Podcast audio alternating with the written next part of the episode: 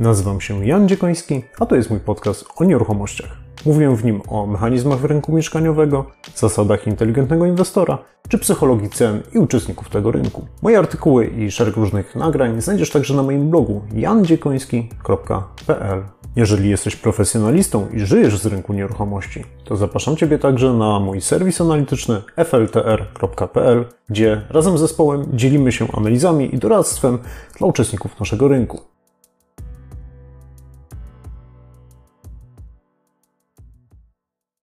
Przy mikrofonie Jan Dziekoński. Witaj serdecznie w moim krótkim formacie poświęconym nieruchomościom.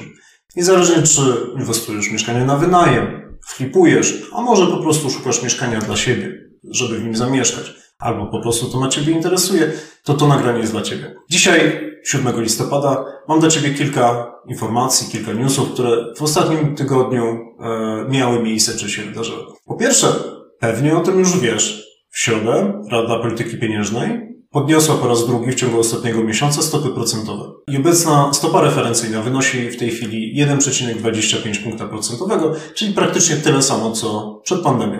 I niestety ta zmiana, czy stety, niestety, dla mnie niestety, bo moim zdaniem to jest pewien powrót do normalności, ale niestety dla osób, które w ciągu ostatniego roku zaciągały kredyty hipoteczne, ta zmiana będzie oznaczała wzrost rat kredytu o co najmniej 10-15% względem tego, co jeszcze pół roku temu płacili.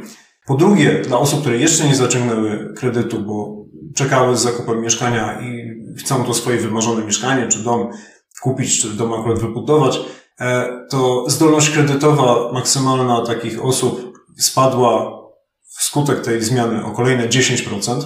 A przypomnijmy to, o czym mówiłem w nagraniu poświęconym właśnie rosnącym stopom procentowym. Te zdolności już zostały ucięte o około 15% od lipca, czyli de facto od lipca ten sam Polak, ten sam Kowalski, ta sama rodzina, która chciałaby zaciągnąć kredyt po ostatniej zmianie stóp procentowych, e, tak naprawdę ten maksymalny kredyt będzie mniejszy o 25%. To jest skutek właśnie y, podniesienia stóp procentowych oraz wejścia rekomendacji S w życie. To jest taka specjalna rekomendacja, o której tutaj nie będę mówił, ale o tym było dedykowane nagranie. No i co więcej, y, w wypowiedziach prezesa Narodowego Banku Polskiego, prezesa Glapińskiego, no można między wierszami bardzo zawiłych i kwiecistych wypowiedzi przeczytać, że tak naprawdę to nie jest koniec y, tych podwyżek stóp procentowych. Rynki finansowe na dzisiaj wyceniają z dużym prawdopodobieństwem, że mm, do końca następnego roku te stopy wzrosną do około 3 punktów procentowych. Prezes Glapiński, który bardzo kwieciście, można powiedzieć, opowiada e, w swoich wypowiedziach prasowych i ja jestem absolwentem szkoły głównej handlowej, miałem taką częściową przyjemność uczęszczać na jego wykłady, były równie kwieciste. E, no i według e, jakby przynajmniej jego ocen do, lis, do stycznia 2022 roku, czyli w ciągu najbliższych trzech miesięcy, inflacja wzrośnie nawet do 7%.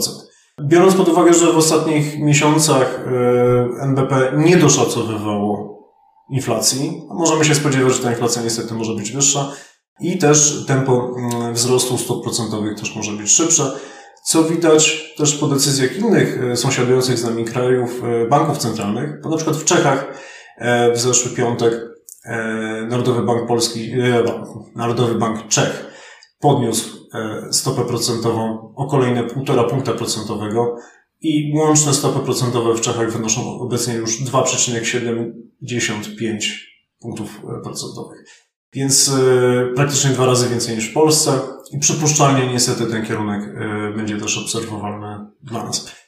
Jeżeli chcesz dokładnie wiedzieć, w jaki sposób będzie y, wzrost stóp procentowych wpływał na ratę kredytu, czy na, na zdolność kredytową, nagrałem na ten temat dedykowany film, polecam go obejrzeć, tam jest wszystko w szczegółach opowiedziane. Drugą nowością tego tygodnia było to, że Sejm przegłosował poprawki Senatu do Polskiego Ładu. I praktycznie ze stuprocentową pewnością od 1 stycznia 2022 roku nowe przepisy podatkowe i wiele innych zmian wejdą w życie. Polski Ład będzie miał dość istotny wpływ na rynek nieruchomości. Jeszcze w maju przy pierwszym projekcie, który się pojawił, opowiadałem o tym w szczegółach i moim zdaniem przede wszystkim wpłynie na dochody średnio i wysoko zarabiających Polaków, czyli tych osób, które przede wszystkim inwestują w nieruchomości, czy po prostu kupują nieruchomości dla siebie. E, I moim zdaniem będzie miało to wpływ też na popyt na nieruchomości.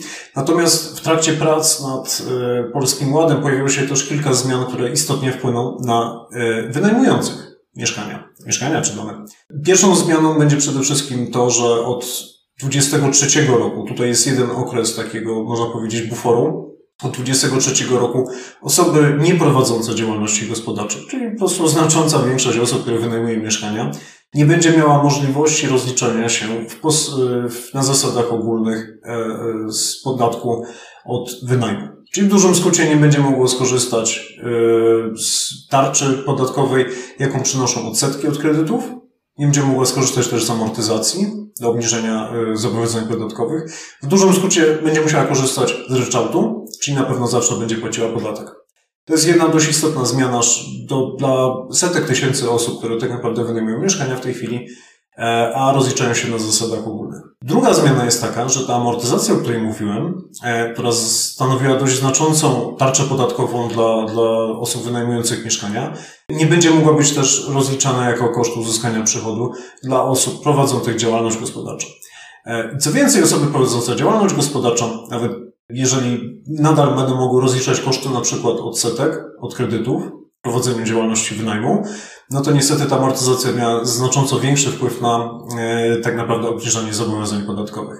Jeżeli dodamy do tego inne zmiany w postaci e, podniesienia składki zdrowotnej od osób prowadzących działalność gospodarczą, no to niestety możemy się spodziewać bardzo dużych zmian, jeżeli chodzi o atrakcyjność wynajmu, jako forma po prostu inwestowania środków pieniężnych.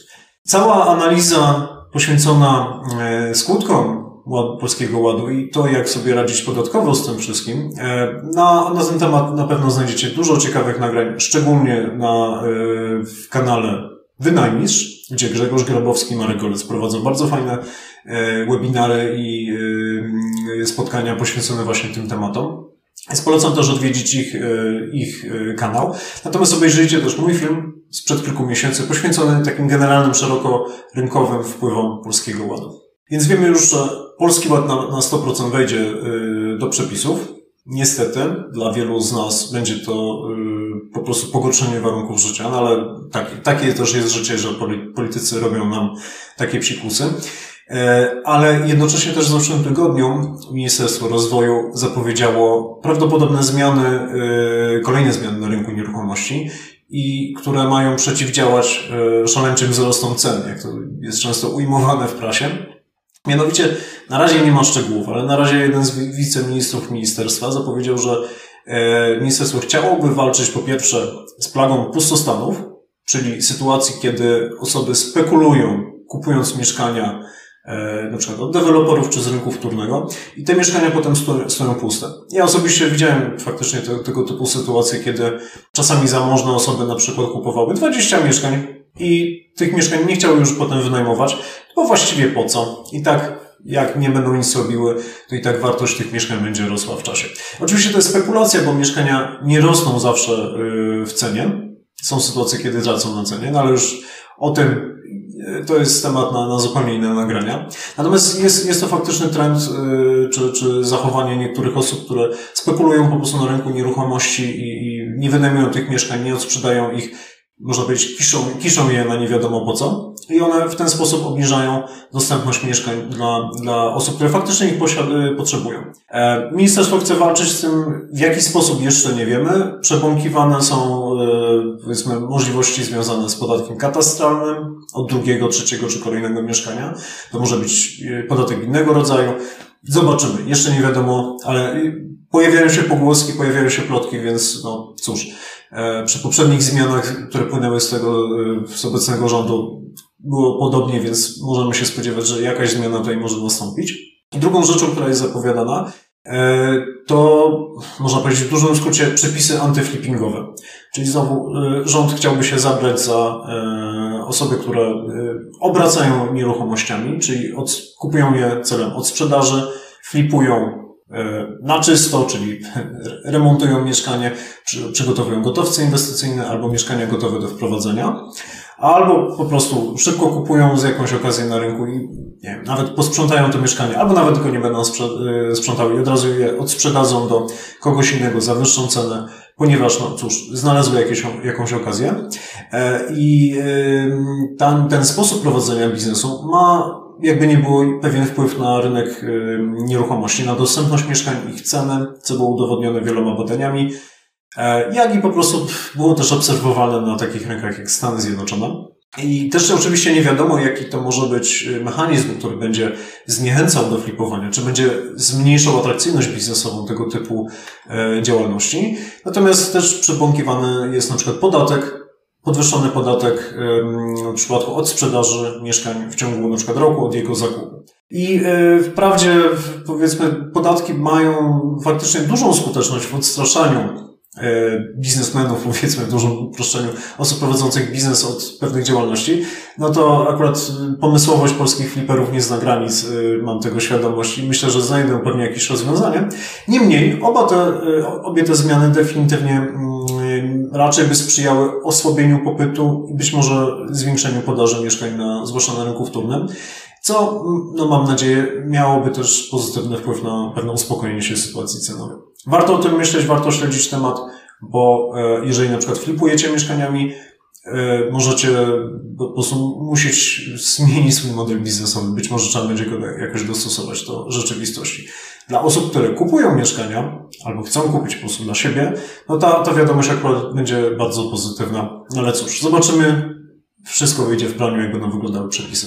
Czwartą ciekawą wiadomością z tego tygodnia był fakt, że jedna z największych amerykańskich firm, która zajmuje się właśnie flippingiem, między innymi, bo też ma inne, działa- inne obszary działalności, Zillow, jeden, można powiedzieć, z prekursorów tak zwanego iBuyingu, o którym opowiadałem też w dedykowanym nagraniu na ten temat, e, ogłosił w zeszłym tygodniu, że wycofuje się właśnie z tej działalności, czyli skupowania mieszkań w celem ich remontu i odsprzedaży.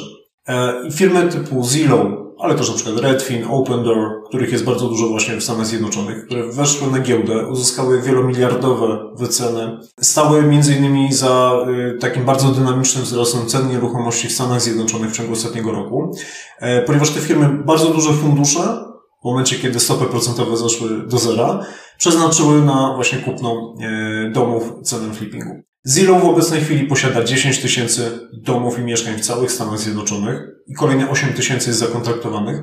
I e, Zillow ogłosił, że wycofuje się z działalności iBuyingowej, ponieważ nie jest w stanie przy takiej skali prawidłowo prognozować cen i e, tak naprawdę zaczął realizować dość istotne straty na, na prowadzeniu tego flippingu. Oczywiście skutek jest taki, że wycena giełdowa Zillow spadła o 35% w ciągu około miesiąca i jednocześnie w ostatnim kwartale Zillow zanotował ponad 300 milionów dolarów strat na domach, które właśnie już w tamtym kwartale obrócił, a kolejne domy są w trakcie, więc y, dość duże straty jeszcze są przed tą firmą. I ten news może jest dla nas odległy, ponieważ okej, okay, to są Stany Zjednoczone, to jest Polska, co to ma jedno do drugiego, ale w Polsce też już są firmy iBuyingowe, które też próbują działać na tym rynku. Jest bardzo dużo fliperów, którzy obracają mieszkaniami. Ta sytuacja pokazuje, że nawet najbardziej, y, powiedziałbym, zaawansowane firmy, bo w Zillow pracują setki albo właściwie tysiące ludzi, 25% z nich teraz straci pracę. E, to jest firma, która posiada bardzo dokładny dostęp do bardzo dokładnych danych. Bo w Stanach Zjednoczonych dane na temat cen nieruchomości są bardzo dokładne. Firmy iBuyingowe były, powiedziałbym, w awangardzie, jeżeli chodzi o analitykę tych danych prognozowanie, ocenę wartości y, nieruchomości co pokazuje, że nawet jeżeli rzuci się niesamowicie e, ogromne ilości pieniędzy, ludzi i technologii w rynek nieruchomości i zacznie się flipować na dużą skalę, to też można niestety stracić na to. Być może taka też przestroga dla e, osób czy firm, które w Polsce też próbują flipować na dużo większą skalę. Jeżeli to połączymy jeszcze z planowanymi jakimiś zmianami prawnymi, to może się okazać, że e, ten sposób zarabiania pieniędzy niestety w przyszłości już nie będzie tak atrakcyjny. Na szczęście atrakcyjniejszym modelem biznesowym w tej chwili może okazać się wynajem mieszkań, który przez pandemię bardzo mocno ucierpiał. Wzrosły stopy pustostanów, czyli okresu, kiedy mieszkania stoją puste, spadły czynsze, rentowność inwestowania w wynajem po prostu poleciała na łeb na szyję. Wprawdzie przy niższych stopach procentowych to nie był jakiś aż tak duży problem dla dużej części osób inwestujących w ten segment, no ale dużo osób zastanawiało się, w jaki sposób wynajem poradzi sobie przez pandemię. No i newsem z ostatniego tygodnia jest to, co ogłosiła firma Mzuri. Ja akurat miałem kiedyś przyjemność yy, pracować i być członkiem zarządu, że Po y, wysokim sezonie, czyli wrzesień, to jest typowo wysoki sezon wynajmu w miastach studenckich, e, liczba, czy procent pustostanu w tej w portfelu zarządzanym przez tą firmę spadł poniżej dwóch punktów procentowych. Co ja pamiętam przez historię, kiedy y, działałem na rynku nieruchomości właśnie w, w tamtej firmie, ale też prywatnie y, wynajmując, to był faktycznie taki rekordowo niski wskaźnik. Czyli można powiedzieć na te 7 tysięcy mieszkań, którymi tam ta firma y, zarządza, pustych stoi w tej chwili raptem 150. Co, nie chodzi mi teraz o to, żeby reklamować Missouri, bo nie mam żadnych związków z tą firmą w tej chwili. Natomiast y, to pokazuje, że tak naprawdę rynek najmu, można powiedzieć, trochę jednak odbił od tej sytuacji y, takiej, powiedziałbym, najgorszej, która była w zeszłym roku, kiedy pustostany wynosiły ponad 10%. To jest taki sygnał być może, że ok, już przyzwyczailiśmy się do, do tego, jak działa pandemia, jak sobie z nią radzić. Uczelnie działają, firmy działają, lepiej, gorzej, ale to wszystko w jakiś sposób e, funkcjonuje, więc takie pesymistyczne, powiedziałbym, e, prognozy, że już wynajem mieszkań się skończył, chyba można wsadzić między bajki. Niemniej czynsze ciągle są na obniżonym o te 10% e, poziomie, czyli nadal ta rentowność inwestowania w wynajem jest jednak gorsza niż była, a przy rosnących stopach procentowych można powiedzieć, że atrakcyjność mieszkań na wynajem chwilowo będzie jednak mimo wszystko bardzo niska. Teraz jak te wszystkie informacje połączyć do kupy? Flipping dostaje po nosie, wynajem idzie dobrze, stopy procentowe rosną, wchodzą nowe przepisy podatkowe. Tyle pytań, nie ma oczywiście jednej odpowiedzi, natomiast ja postaram się przynajmniej zastanowić się, czy analizować, w, którym kierunku to wszystko może pójść, na nadchodzącym webinarze w górę czy w dół, gdzie jest dzisiaj rynek nieruchomości, na który Ciebie serdecznie zapraszam. Jeżeli będziesz chciał w nim wziąć udział, zapraszam Ciebie do zapisania się na e, mój newsletter na moim blogu na jandziekoński.pl i e, w odpowiednim, z odpowiednim wyprzedzeniem dostaniesz też zaproszenie na ten webinar. Czekam oczywiście w tej chwili na ostatnie dane za trzeci kwartał 2021 roku, ponieważ e, jeszcze nie ma danych transakcyjnych z NBP, jeszcze nie ma danych o czynszach z Amron. Czekam powoli, czekam spokojnie jeszcze na, na te informacje, ale już dzisiaj Ciebie zapraszam do subskrybowania mojego kanału YouTube czy kanału Spotify, jak i e, zapisania się na newsletter żeby wziąć udział na żywo w tym nagraniu. Mam nadzieję, że dzisiejsze nagranie podobało się Tobie. Jeżeli tak, łapka w górę, subskrybuj, napisz w komentarzu kilka ciepłych słów i dziękuję i do zobaczenia za tydzień. Do usłyszenia.